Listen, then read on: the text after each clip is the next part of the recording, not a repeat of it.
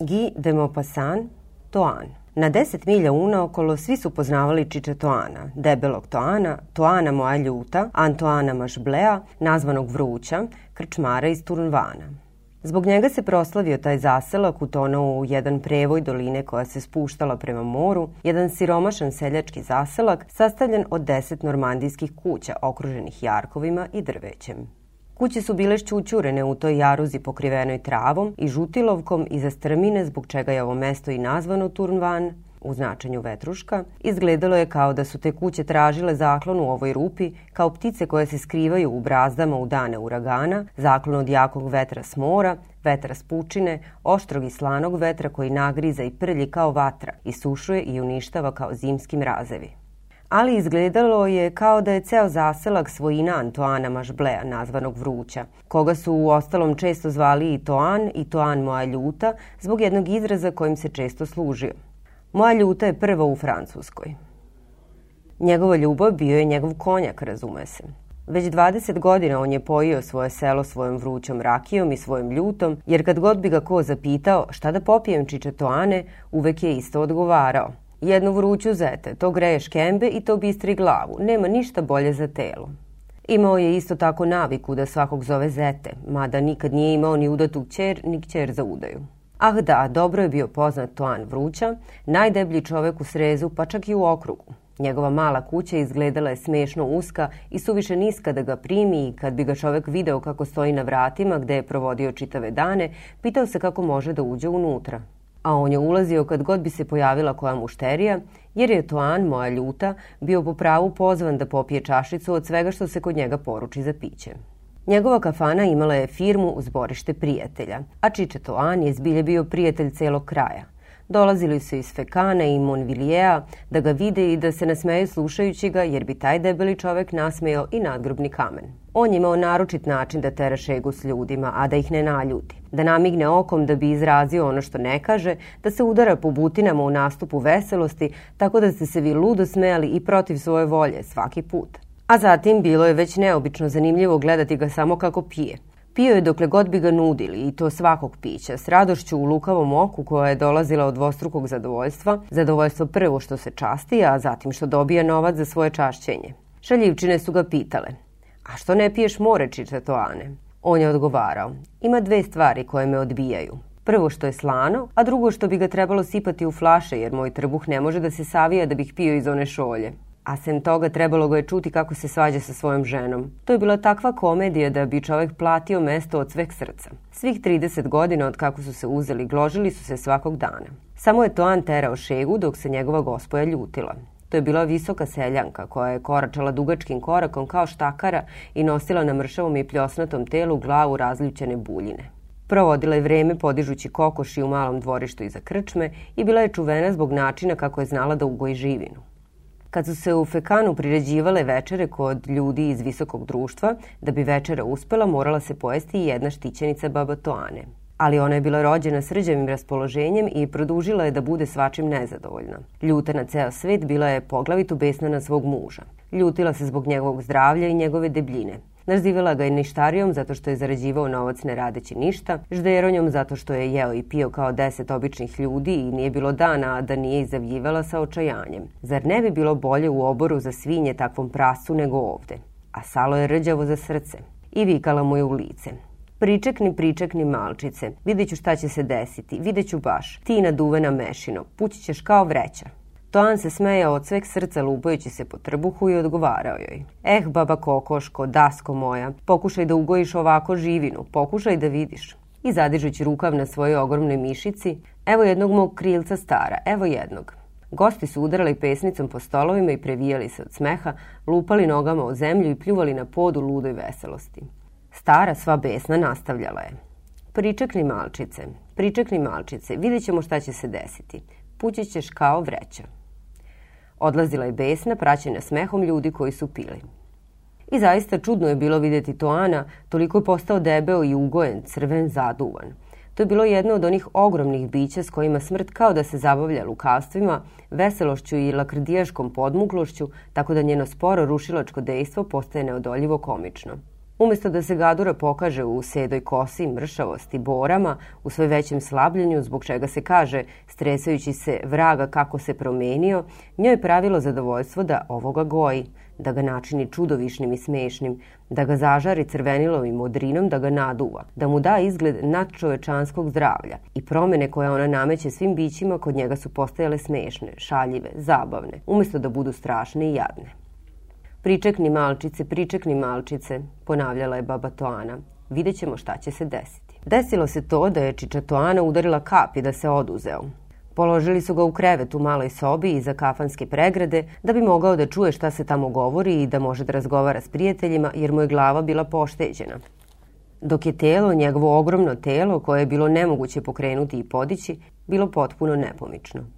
U prvo vreme nadali su se da će se njegovim krupnim nogama povratiti nešto snage, ali ta nada ubrzo se izgubi i to An Moja Ljuta provodio je dane i noći u postelji koji su pretresali samo jedared nedeljno uz pripomoć četiri suseda koji su dizali kačmara, držeći ga za ruke i noge dok su mu prevrtali slamljaču. On je ipak ostao veseo, ali s nekom drugčijom veselošću, bojažljivom, poniznom, sa strahom malog deteta pred svojom ženom koja je kreštala po ceo dan – Evo ga, debele lešine, eto ga ništarije, badavadžije, te debele pijandure. Lepo, boga mi, lepo. On nije odgovarao.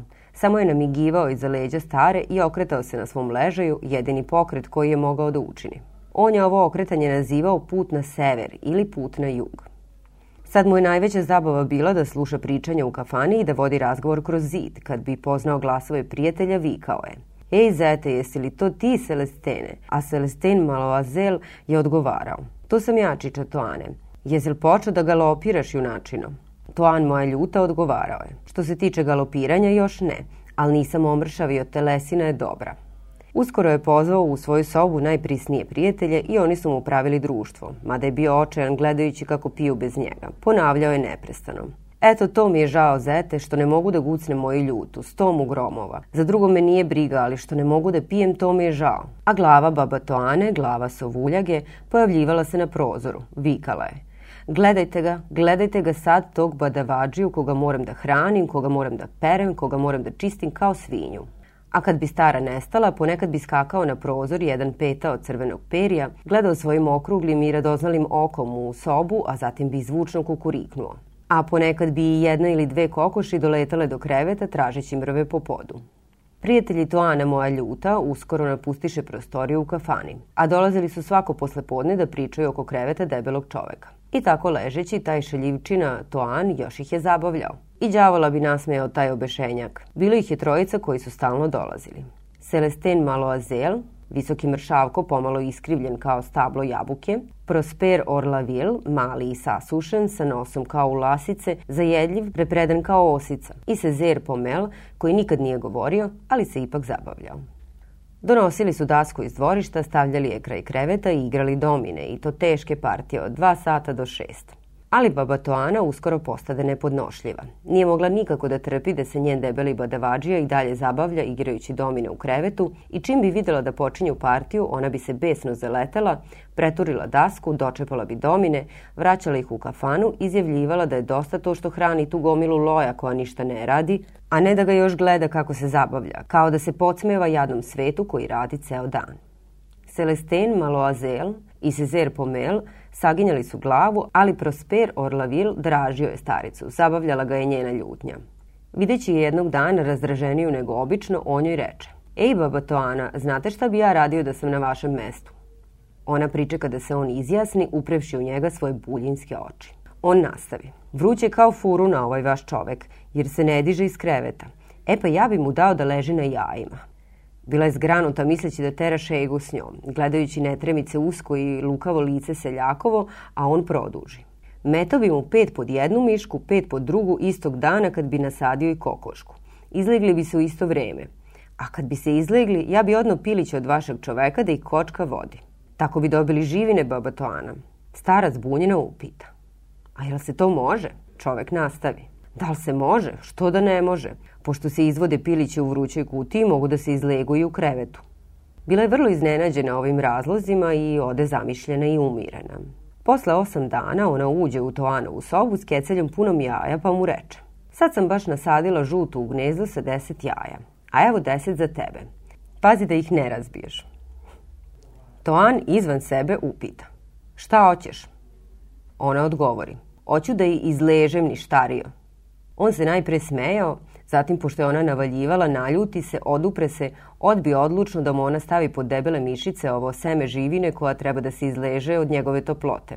Ali stara sva besna izjavi. Nećeš dobiti jelo dokle i ne uzmeš.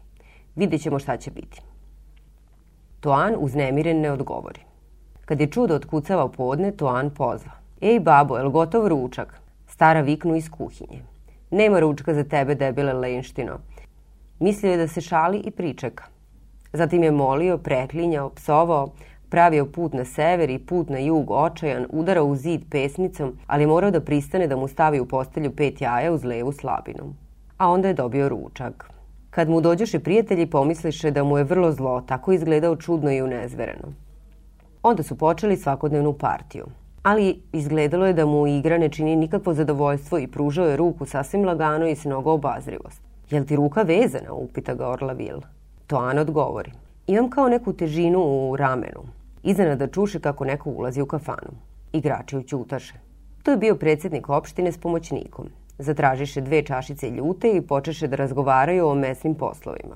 Kako su govorili tiho, Toan vruća htede da prisloni uho uza zid i zaboraviši na jaja napravi nagli put na sever i leže na kajganu. Na njegovu psovku dotrče baba Toana i pogodivši kakva se nevolja dogodila, otkri ga jednim pokretom. Najpre je ostala nepomična, gnevna, gušići se od ljutnje da nije mogla da govori, videći žutu oblogu prilepljenu u slabinu svog čoveka. A zatim, drhteći od besa, baci se na oduzetog čoveka i poče da ga udara svom snagom po trbuhu, kao kad pere rublje na bari. Njene šake su padale jedna za drugom s potmulim zvukom, brzo kao zečije šape koje udaraju po dobošu. Tri Toanova prijatelja su se smejala, smešeći se uzvikujući, a uplašeni debeli Toan odbijao je pažljivo udarce svoje žene da ne bi razbio onih pet jaja koje su mu bila sa druge strane. Toan je bio pobeđen. Morao je da leži na jajima, morao je da se odrekne domina, da se odrekne svakog pokreta, jer ga je stara svire polišavala hrane kad god bi razbio neko jaje. Ležao je na leđima, oči uprtih u tavanicu, nepomičan, ruku podignutih kao krila, zagrevajući u sebe klice pilića, zatvorenih u belim ljuskama. Govorio je stalno tiho, kao da se bojao vike, isto toliko koliko i pokreta, i bio uznemiren zbog žute kokoške koja je vršila u kokošarniku isti posao kao i on. On je pitao ženu, Je li jela žuta danas? A stara je išla od kokošiju do svog čoveka, od svog čoveka do kokošiju, kao zaluđena, obuzeta brigom za male piliće koji su se zrevali u krevetu i u gnezdu. Ljudi iz sela koji su znali za događaj dolazili su radoznali i ozbiljni da obiđu Toana. Ulazili su tiho kao što se ulazi kod bolesnika i pitali sa interesovanjem. Pa kako ide? Toan je odgovarao. Što se tiče da ide, ono ide, ali me sve srbi koliko mi je vrućina, kao da mi mravi jure po koži. I onda jednog jutra njegova žena uđe vrlo uzbuđena i javi mu. Žuta je izvela sedam. Bilo je tri pokvarena jajeta. Toana oseti kako mu lupa srce. Koliko će biti kod njega? Onda upita sa strepnjom žene koja će postati majka. Hoće li biti skoro? Stara odgovori besno bojeći se neuspeha. Trebalo bi. Čekali su. Prijatelji obavešteni da se vreme približilo, ubrzo stigoše i sami uznemireni. Govorkalo se o tome po kućama. Susedi su išli jedni kod drugih da se raspitaju. Oko tri časa Toan zadrema. Sad je spavao po čitavo pola dana. Probudilo ga je neko neobično golicanje pod desnom rukom. On pruži tamo svoju levu ruku i napipa životinjicu obraslu žutim papirjem koja mu se micala u ruci. Njegovo uzbuđenje bilo je toliko da je počeo da viče i ispusti pile koje mu ode na grudi. Kafana je bila puna sveta. Ljudi poleteše, ispuniše sobu, napraviše krug kao oko mađioničara, a stara dođe i uze životinjicu koja se bila šćućurila pod bradom njenog muža. Niko nije govorio. Bio je topao aprilski dan. Kroz otvoren prozor čulo se kvocanje žujke koja je zvala svoje novoizvedene piliće. Toan, koji se znojio od uzbuđenja, strepnje, nespokojstva, mrmljao je. Sad imam još jedno pod levom rukom, Njegova žena zagnjuri u krevet veliku mršavu ruku i izvadi drugo pile s pažljivim pokretima babice. Susedi su hteli da ga vide. Dodavali su ga jedan drugom i razgledali ga pažljivo kao da je neko čudo. Za sledećih 20 minuta nije se izleglo ni jedno. Zatim izađe četiri u isto vreme. Među prisutnima nastade žagor. Toan se smešio, zadovoljan svojim uspehom, počinjao je da se ponosi tim neobičnim očinstvom. Ne viđa se često takav kao on na kraju krajeva. Čudo od čoveka, zaista. On objavi. Ima ih šest, stomu gromova, što će biti krštenje. Među publikom nastade gromki smeh. Ljudi su punili kafanu, a još je bilo drugih pred vratima. Pitali su se, koliko ih je? Ima ih šest. Baba Toana je odnela kokoški ovu novu porodicu, kokoška je iz bezumljenog vocala, kostrešila perje, širila krila da zaštiti uvećano jato svojih mališana. Evo još jedno viknu Toan. Prevario se, bilo ih je tri. To je bio pravi trijumf. Poslednje prokljuvi ljusku u sedam časova uveče. Sva su jaja bila dobra. Toan, lud od radosti, oslobođen, ponosan, poljubio leđa slabu životinjicu i za malo je ne uguši svojim usnama. Njega je hteo da zadrži u krevetu do sutra, obuzet materinskom nežnošću prema onom malecnom koje je doveo u život, ali ga stara odnese kao i ostale neslušajući preklinjanja svoga muža. Prisutni, očarani, odlazili su raspravljajući o događaju, Orlavil koji je ostao poslednji upita. Slušaj, Čiče Toane, pozvaćeš me na paprikaš od prvog, jel da? Na misao paprikašu lice Toanovo se ozari i debeljko odgovori. Sigurno ću te pozvati zete.